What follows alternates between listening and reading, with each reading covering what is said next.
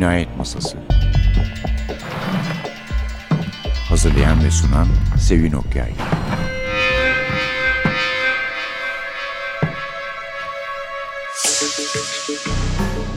Merhaba. NTV Radyo'nun Cinayet Masası programına hoş geldiniz. Bugün bir konuğumuz var. Daha önce bu programa hiç gelmemiş bir konuk. Yaprak Öz. Ferahnız'ın Çiçeği kitabıyla burada. Bunun özelliği benim çok ilginç bulduğum bir kahramanı olması Yıldız Alatan. Zaten kapakta da bir Yıldız Alatan polisiyesi diye yazıyor. Onun için hemen devam edecek mi diye sordum. Edecekmiş. Oğlak'tan çıktı macera perest kitaplardan çoğu gibi. Müze konuk olan polisiyelerin. Evet Yaprak hoş geldin. Hoş bulduk. Yıldız Alatan nereden aklına düştü diyelim. Yani böyle bir karakter. Hı hı. Daha önce dört romanım var. Aynı tarzda diyebileceğim yani polisiye türüne yakın ama daha çok psikolojik gerilim olan romanlarımda. Hangisi? Berlin Apartmanı. Ha, benim merak edip de bulamadığım evet tamam. Şeytan Disco, Tilki Baykuş Bakire, Sobe Siyah Orkide sırasıyla. Ben hep kadın anlatıcı karakterler seçmiştim. Yani öyle kendiliğinden öyle geliyordu romanların kurgusu aklıma. Kadın karakterlerle bir şekilde hikayelerini ya bir günlük ya işte kitap yazma hevesi, bir defter tutma vasıtasıyla hikayelerini anlatan kadın ve gizem çözen kadın karakterler. Yıldız Alatan da öyle geldi. Yeni bir kadın karakter. Mahallenin ablası. Mahallenin ablası. Bu romanı ben kurgularken ilk başta şeyden yola çıktım. Ben Zonguldaklıyım. Romanda cinayetin işlendiği mahallede bizzat kendim büyüdüm. Lojman mahallesinde. 70'lerde çocuktum. Orada büyüdüm ve orada geçen çok güzel bir yer olduğu için orada geçen bir roman yazma hayalim vardı. Yıldız Alatan karakterini oradaki e, kadınlardan biri olarak hayal ettim. O şekilde ortaya çıktı. Aslında bir ev kadını terziliğe sonradan başlıyor. Terzilik yapıyor. Terzilik yapıyor ve terziliği vasıtasıyla zaten dedektiflikte başarılı oluyor. Herkesle konuşabildiği için bilgi toplayabiliyor. Evet, evet, evet. O şekilde ortaya çıktı bu karakter. Zaten geçimli bir insan hakikaten ablası gibi daha genç Evet çok da tatlı bir karakter Orada çünkü olarak. daha çok mühendislerin eşleri Tabii, olan mühendis, bir doktor, oturuyor. doktor e, evet. devlet kurumunda çalışan insan. Zonguldak zaten memur şehridir. Tabii tabii. tabii. Bu şekilde ortaya çıktı. Bundan sonra da böyle devam etsin. Peki şehir değişecek mi? Şöyle şehir yani yine Zonguldak'ta yaşayacaklar ama şimdi devamının çalışmalarına başladım. Ocak ayından beri yeni roman yani Yıldız'ın yeni macerasının taslağı üzerinde çalışıyorum diyeyim. Hazırlık yapıyorum. Bir yazlığa gidip gelecekler. Hani arada böyle kaçamaklar olabilir ama merkez Zonguldak olacak Zonguldak tabii yani. Çünkü ben roman için Oğlak yayınlarıyla görüşmeye gittiğimde sağ olsun genel yayın yönetmeni Senay Haznederoğlu benim hiç Yıldız'ı devam ettirme gibi bir fikrim yoktu. Öyle bir şey aklıma gelmemiş. Yani her romanda başka kadın karakter evet. bulurum diye düşünüyordum. Öyle geldiği için. Senay Hanım bunu devam ettirelim mi, dizi yapalım mı dedi. E, tabii onun tecrübesi var. Evet bana yol gösterdi. Yani daha önce yazmış arkadaşlar evet. Çağatay Yaşmut. Evet, çok sevdiğim bir yazar. E, arkadaşım. E, Supi. Çok, evet, onlar, Supi Bey. Yani gerçi Supi'nin bazen dedektifleri değişiyor ama Aha. yer olarak atmosfer olarak evet. dizidir yani. Evet. Ben dizi gözüyle bakıyorum. Ee, Senay Hanım da öyle bir teklifte bulundu. Bu çok tatlı bir kadın karakter. Bunu işte bu Cozy Mystery örneği. Türkiye'de hmm. böyle bir karakter fazla öyle, örneği yok. Yani. Ben de tamam dedim. E, iyi, iyi etmişsin. ya Senay Hanım iyi etti aslında evet. sağ olsun. Bu şekilde başladık bakalım. Başladı. Hadi bakalım hayırlısı. Teşekkür ederim.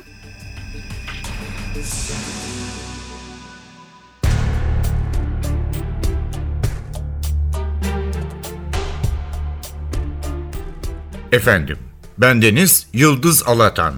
Kendi halinde bir ev hanımı iken birden ismi gibi yıldız bir terziye dönüşen namı diğer Yıldız abla. Ereğli Kömür İşletmeleri Kozlu Ocağı maden mühendislerinden Ziya Alatan'ın eşiyim ve 32 yıl önce eşimin tayininin çıktığı Zonguldak'ın Kılıç Mahallesi'nde en tepedeki evde ikamet etmekteyiz. Berrin adında bir kızımız, Engin adında bir damadımız, Berrak adında dünya tatlısı bir torunumuz var.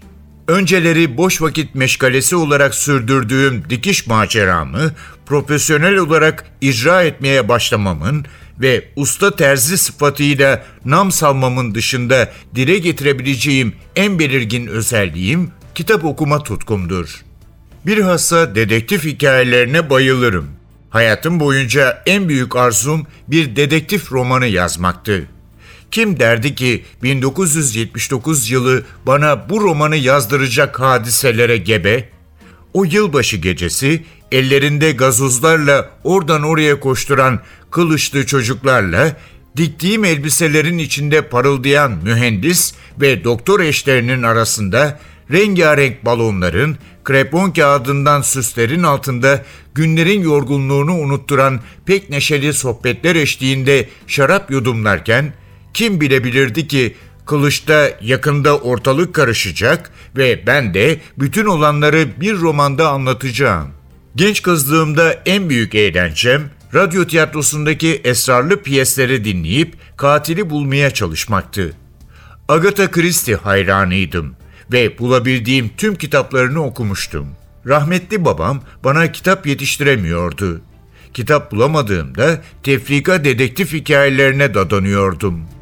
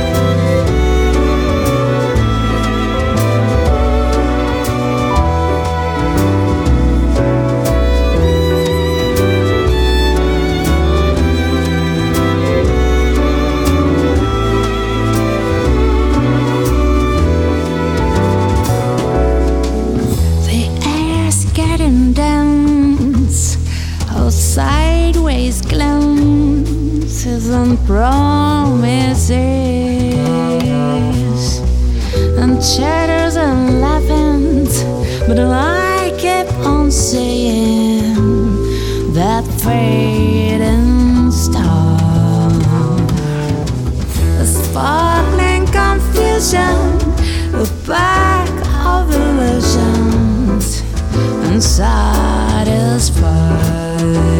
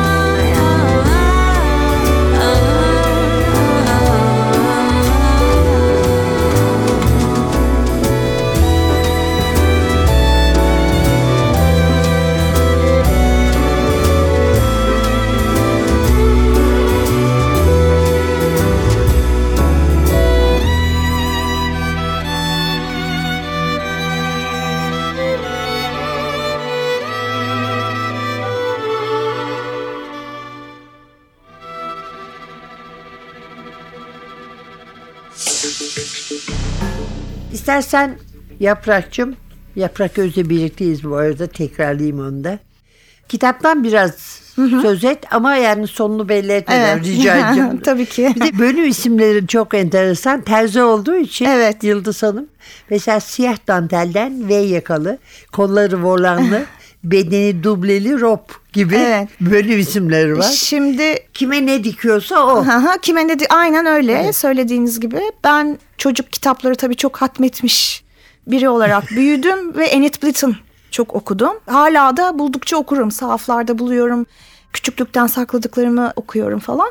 Onun hep böyle başlıkları olur. O gizem çocuk macera kitaplarında. Demek ki onlardan çok etkilenmişim ki ben ilk Berlin'in apartmanını yazarken yazmaya başladığımda hep bölüm başlığı olsun istedim. Böyle o Enid Blyton etkilenmesinden dolayı hoşuma gitti. Sonra öbür kitaplarda da başlık koymaya başladım. Belki o şair tarafımdan da geliyor. Şiirde de hani başlık buluyoruz ya. Bilmiyorum bir şekilde başlık başlık gitti. Ama çok güzel oluyor başlık. Yani Evet, birinci seviyorum. bölüm, ikinci bölüm, üçüncü bölümden daha iyi sonuçta. İşte ben kendim de onu çok hoşuma gitti dediğiniz gibi. E, Daha iyi olduğunu düşündüm. Yıldız'da da başlık hiç direkt başlık değil direkt elbise isimleri yazayım diye düşündüm. Değişik bir şey olur diye o şekilde başladım. Bayağı bir terzilik jargonu çalıştım tabii. Çok yabancı değilim. Ailemizdeki kadınlar hep dikiş diktiği için. Hani terzilik yapan yok ama ciddi şekilde dikiş diken. Biliyorsunuz eskiden kadınlar hep bu şekilde Tabii burada dergilerinden evet. Tabii ben de Kendi burada evde giydikleri Evet, sabahlık. Her şeyi dikerler. Annem öyleydi, teyzelerim öyleydi. İşte burada dergileri eksik olmazdı evimizden. O şekilde başladım ve her karakterle yakınlaşmasında ya da görüşmesinde o karaktere bir elbise dikiyor ve o bölüm o karakterin üzerine yani bir grup ev kadını arasında gidip geliyor olaylar. Polisin çözümleyemeyeceği detaylara inerken Yıldız bu konuşmaları terziliğinden istifade ederek ulaşıyor cinayeti çözmeye. Bahsedecek olursam 1979 yılında geçiyor olaylar. Zonguldak'ta sakin orman kıyısında bir lojman mahallesi. Bütün eşler, erkekler ya maden mühendisi ya elektrik mühendisi ya doktor vesaire. Sabah herkes işe gidiyor. İşe yani gidiyor. sonuçta. Kadınlar e, çoğu çalışmıyor. O zamanlar çalışan Evet. kadın az. Yıldız ve arkadaşları işte gün yapıyorlar. Çocuk varsa onlar da okula gidiyor Evet zaten. okula gidiyor. İşte bunlar memur eşle bir memur sosyetesine dahiller. O zamanlar öyleydi biliyorsunuz Evet, eskiden memur olmak çok kıymetliydi. Böyle biraz da havalı kadınlar o zamana göre. Ve bir o mahallede çok sakin, çok huzurlu, böyle kuş sesli bir mahalle olmasına rağmen bir cinayet işleniyor. Katil hemen bulunuyor. Fakat Yıldız bunun arkasında yani Yıldız'ın çok büyük hayali Agatha Christie seven, işte radyo tiyatrosu dinleyen falan bir kadın bu. Yıldız Alatan. Yıldız huylanıyor. Bunun arkasındaki bir gizem olduğunu düşünüyor. Arkasındaki gizemi çözmek için kolları sıvıyor. Fakat ondan sonra işler daha da karmaşıklaşmaya başlıyor böyle derine girdikçe. Bu şekilde yani Ocak ayında başlıyor kitap. Aralık ayı bütün 79 yılı boyunca o zamanın politik işte Türkiye'yi o memur hayatını etkileyen yan olaylarla birlikte süslü bir şekilde devam ediyor. Yıldız'ın cinayeti çözüşü, çözme süreci. Bu arada kadın kahramanlarımız arasında da Gül, Figen, Betty, Betty, Nazan. Nazan. Evet. Önde. Evet, Yani onlar en söyleyeyim. yakın arkadaşları. Evet. evet. Kısmen yardımcı da olanları var Evet, içlerinde. evet. Spoiler vermek istem, sürpriz Yok. bozan bir şey söylemek istemiyorum. Evet, tabii gerek yok zaten.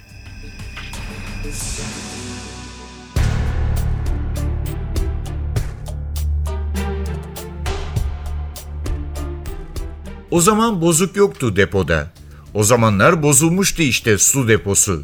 1970 senesinden beri kullanılmıyor burası Beticiğim. Yoksa atar mıyız hiç insanların kullandığı suya göbek bağı falan? Bir türlü onarmadılar arızayı.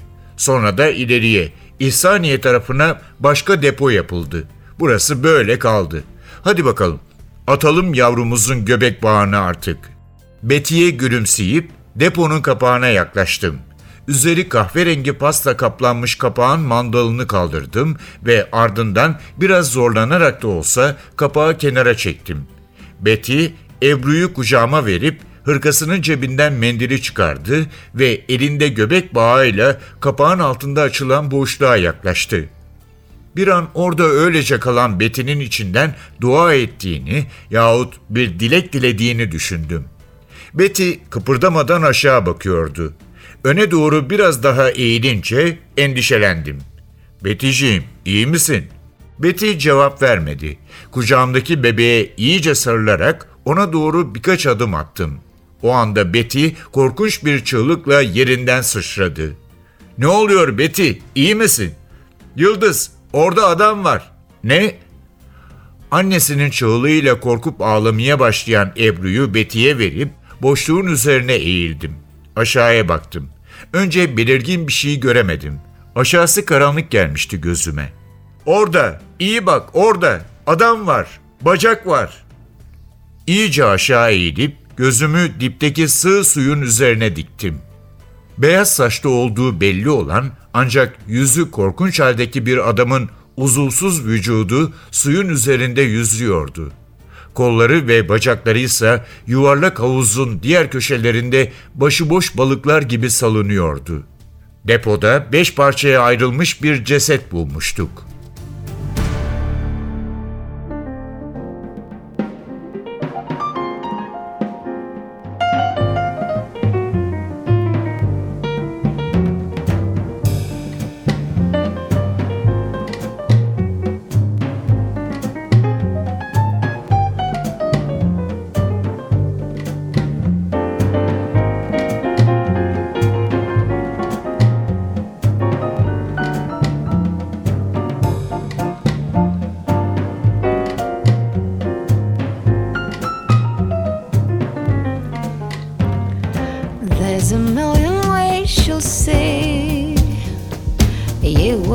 Your fish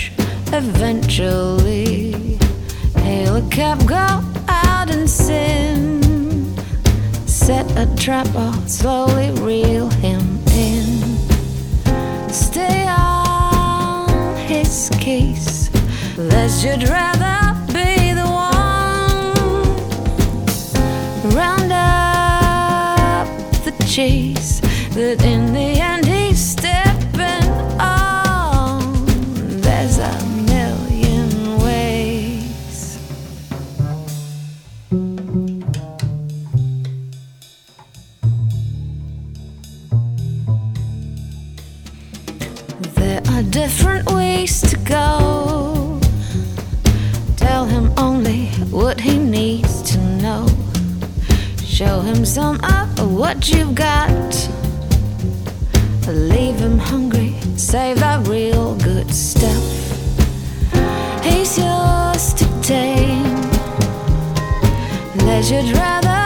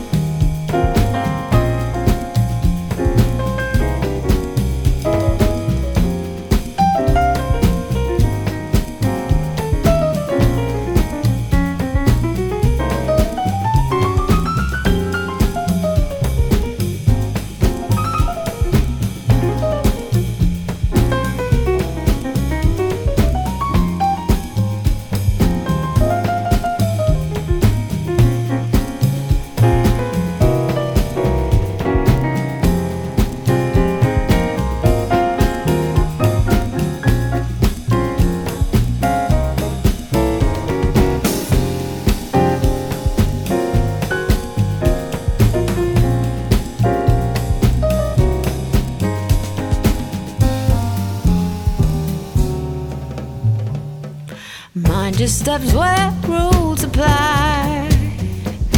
that's in cases where the stakes are high. There's a certain way to act. A little trick room might observe, in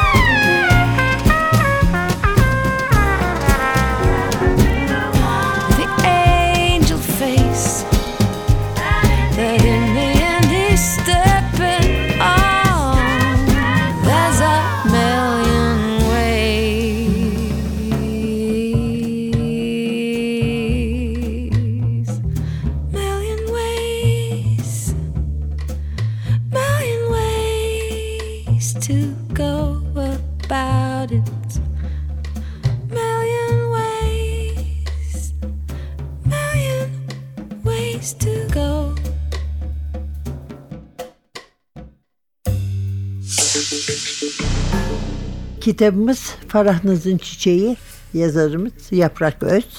Yaprak şu şiir hikayesinden de biraz konuşalım. Çünkü Tamam. şiirle başladığını kendin de söyledi. Evet. Zaten bir Cemal Süreyya Ödülüm ödülün var, var. evet. Oradan nasıl Evet, geçtin insanlar genelde- korkuya Evet. neyse. Farklı buluyorlar yani iki tür. Gerçekten de öyle. Ama aslında ben gizemli hikayelerle başladım. Şiirden önce çok küçük yaşta hani klasik bir laf vardır ya ben küçükken yazmaya başladım. 12-13 yaşlarımda böyle korku ögeleri ağırlıklı gizem hikayeleri yazarak başladım. Tabii kim bilir nasıllardı onları hatırlayamıyorum. Hep böyle bir gizem çözme üzerine bir buna bir ilgim vardı. Sonra 20'li yaşlarımda pat diye şiir yazmaya başladım. Nasıl oldu ben de bilmiyorum. Belki eğitimden filoloji okudum ben. Amerikan ve İngiliz filolojisi okudum. Çok yoğun şiir eğitimi gördük. Roman eğitimi, şiir eğitimi. Belki eğitimimin etkisiyle birden şiir patladı. Sonra şiir dergilerinde yayınlanmaya başladı şiirlerim. Ortama girdim. İstanbul şiir çevresine girdim. 2006 yılında da ilk şiir kitabım yayınlandı. Sonra peş peşe yayınlanmaya başladılar. 2009'da bir ödül geldi hiç haberim olmadan. Ailemden birinin gönderdiği e, dosya ödül aldı. Cemal Süreyya ödülü. Benim hiç ödüllerle alakam Değerli de bir ödül olmamıştı. yani. Evet çok da değerli yani onore ettiler beni. O şekilde gitti. Dört şiir kitabım var. Şiirde çok aktiftim. Hala da öyleyim. Dergiler istediğinde yolluyorum. Festivallere çok katıldım, hala katılıyorum. Çok önemli etkinliklerde bulundum. Beni davet edenlerin sayesinde. Şiirden kopmadım. O benim herhalde daha duygusal, daha lirik tarafım diye düşünüyorum. Bir de böyle çok heyecanın ağır bastığı bir tarafım var sanıyorum. Adrenalin duygum mu yüksek bilmiyorum. Hani ekstrem spor yapacağıma sanıyorum bu tür romanlar yazmaya. Ee, kaydım çünkü hep böyle bir heyecan. Çabuk sıkılan biriyim. Bir heyecan olsun. Ondan sonra heyecanlı bir film izleyeyim. Heyecanlı bir olay yaşansın ama kimseye bir şey olmasın. Bu tarzda bir Adrenalin- tarafım. Adrenalin çocuğu yani. Evet ve 2000 yılında falan başlamıştım ben bir şeyler karalamaya fakat beğenmiyordum. Olmuyor ben düz yazı yazamıyorum herhalde diye düşünürken Berlin'in apartmanı çıktı. Tamamen tesadüfen. Ondan sonra basıldıktan sonra bayağı bir ilgi gördü. Hani küçük bile olsa hani Türkiye'de bu işler kolay değil biliyorsunuz. Küçük bir okur kitlesi edindim. Sonra her kitapta o büyüdü büyüdü. Bugüne geldi. Ama ikisi de yani şiir de polisiye de çok kıymetli benim için. Birbirleriyle rekabet ediyorlar mı yoksa beraber gidiyorlar Beraber gidiyorlar. Romanı yazdığım zaman şiir hiç gelmiyor. Şiir otomatik yazı gibi bir şey yani vahiy gibi inen bir şey. Hiç gelmiyor, sessiz kalıyor. Romanı bitiriyorum. Pıtır pıtır şiirler gelmeye başlıyor. gelmeye başlıyor. Evet. Ne güzel kendince Bir düzen kurdum, evet. Evet bir düzen kurmuşsun. Evet. Onlar da sıralarını kabul etmişler. Ettiler, evet. Peki ne yazık ki sonuna geldik programın. Bir Yıldız Alatan yazıyorsun. Bu şekilde devam etmeyi düşünüyorsun herhalde değil Ee, mi? düşünüyorum, Şiir sevdim. Evet, polisiye tabii ki. ya da psikolojik gerilim, Gerilim, korku evet. her neyse. yani. evet, ikisi de benim hayat tarzım haline geldi tabii ki. Sağlığım el verdiği sürece devam etmek istiyorum. Çok güzel o zaman biz de sana başarılar dileyelim ve devamlı olmasını Teşekkür dileyelim. ederim. İnşallah. Yaprak, çok teşekkür çok ederim. teşekkür ederiz Ben teşekkür konuğumuz ederim. olduğun için. Sağ olun. Bugünlük de bu kadar. Bu haftalık bu kadar. Önümüzdeki hafta bir başka yazarla, bir başka kitapla yeniden birlikte olmak umuduyla. Mikrofonda Sevin, masada Atilla. Bu hafta size heyecanın yanı sıra biraz da şiir tavsiye edeceğiz. Hoşçakalın.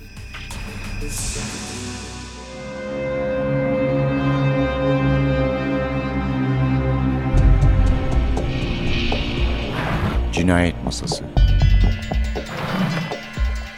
Hazırlayan ve sunan Sevin Okyay Cinayet Masası sona erdi. Programın tüm bölümlerini ntvradio.com.tr adresindeki podcast sayfamızdan dinleyebilirsiniz.